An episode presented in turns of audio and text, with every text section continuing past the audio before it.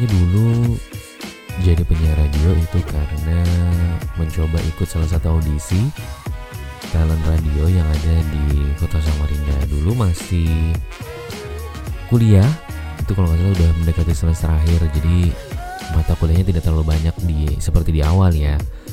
Jadi ikutlah adek dulu audisinya dan ternyata banyak yang ikut gitu ya.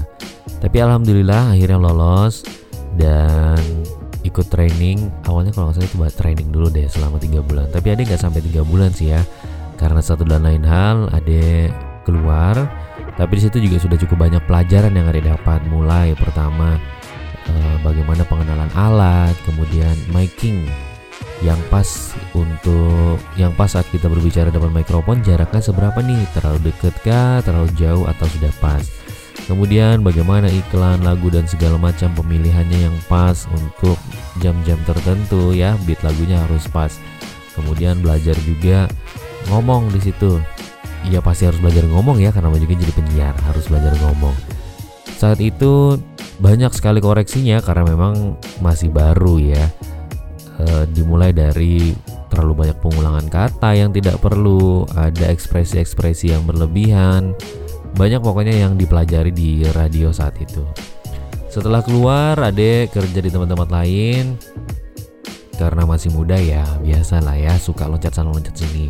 Kemudian masuk lagi di salah satu radio. Nah radio kedua ini sebenarnya dari adik kecil udah sering main ke sana karena kakak ipar penyiar di radio itu. Tapi adik belum belum ada bayangan untuk jadi penyiar di radio itu. Nah akhirnya mencobalah di radio itu dan di sini pelajarannya yang didapat berbeda lagi. Karena waktu di radio sebelumnya waktu kita training itu pas masuk bulan puasa supaya lebih nyaman akhirnya dibuatlah tandem. Jadi siarannya berdua selama bulan Ramadan itu. Nah di radio kedua siarannya sendirian. Wah gelabakan dan bingung deh. Akhirnya ya udah bikin skrip.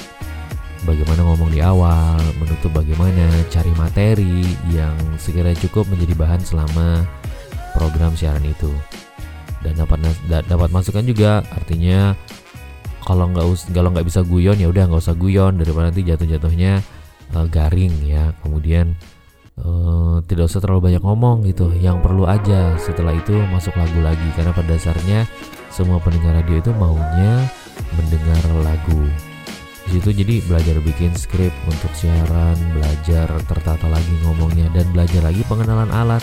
Pengenalan alat sebelumnya kan uh, digital. Nah yang ini uh, digitalnya ada tapi yang analognya juga ada. Jadi setiap penyiar ini punya preset sendiri ya untuk eki suaranya yang pas seperti apa.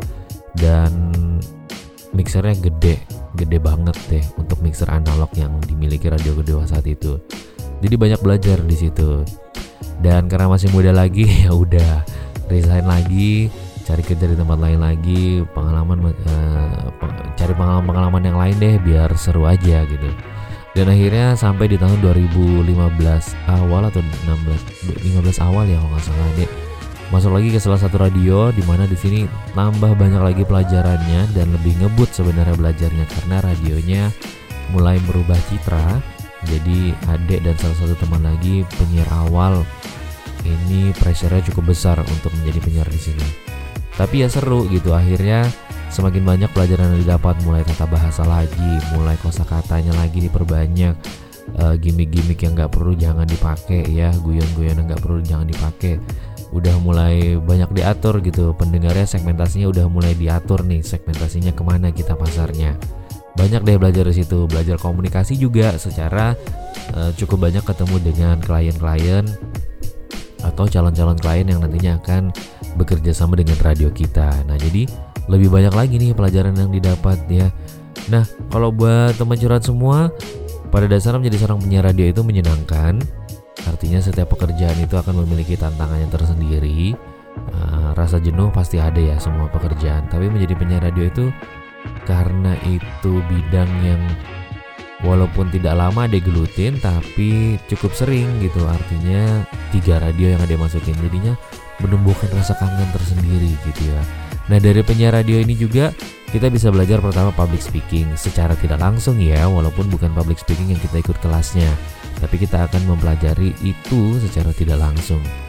Uh, kenapa dia bilang begitu? Karena waktu ada kerja di sebagai staf kontrak di protokoler Bupati Bulungan.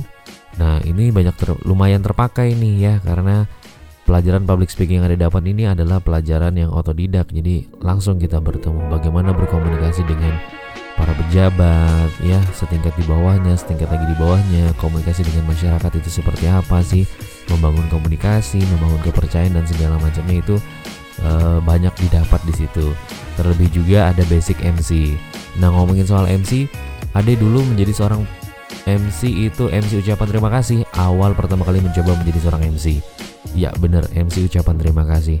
Apakah ada mempermasalahkannya tidak? Enggak ada senang sekali karena waktu itu MC acara uh, musik musik metal ya kalau nggak salah disebutnya iyalah musik metal nah ada juga suka grup bandnya ada suka dengan komunitasnya jadi nggak nggak masalah deh nggak dibayar. Yang penting ini pengalaman pertama sebagai seorang MC nah selanjutnya akhirnya dipercaya nih sama teman-teman untuk beberapa event juga dipercaya diminta untuk mengisi sebagai MC ya kecenderungan jadinya MC-nya band-band keras gitu band-band metal hardcore dan lain sebagainya. Nah beda hal waktu pindah ke Bulungan di Kalimantan Utara. Di sini nggak pernah sama sekali ngemsi acara musik kecuali saat jadi tenaga kontrak staf protokol Bupati Bulungan ini kita ngemsinya beda lagi ya beda hal ini ngemsinya. Nah tapi sambilannya ada ngemsi wedding. Ini adalah hal yang sangat-sangat baru. Mau nggak mau harus belajar buka internet cek di YouTube telepon teman tanya wardrobe uh, bagaimana sih kita kalau openingnya saat acara berlangsung closing dan segala macamnya. Jadi sebenarnya uh, dunia yang ada geluti berhubungan dengan suara itu nggak lama-lama banget tapi ya adalah waktu yang ada pelajari untuk hal itu. Makanya kenapa membuat podcast ini di episode yang sebelumnya ada jelaskan kan membuat podcast ini adalah uh, mengalihkan rasa rindu ada terhadap dunia siaran dan juga MC yang mana hitungannya cuap-cuap terus ya. Jadinya seneng nih. Makanya buat teman curhat semua ketika nanti kangen dengan satu hal pernah dengan kerjaannya itu ya udah deh.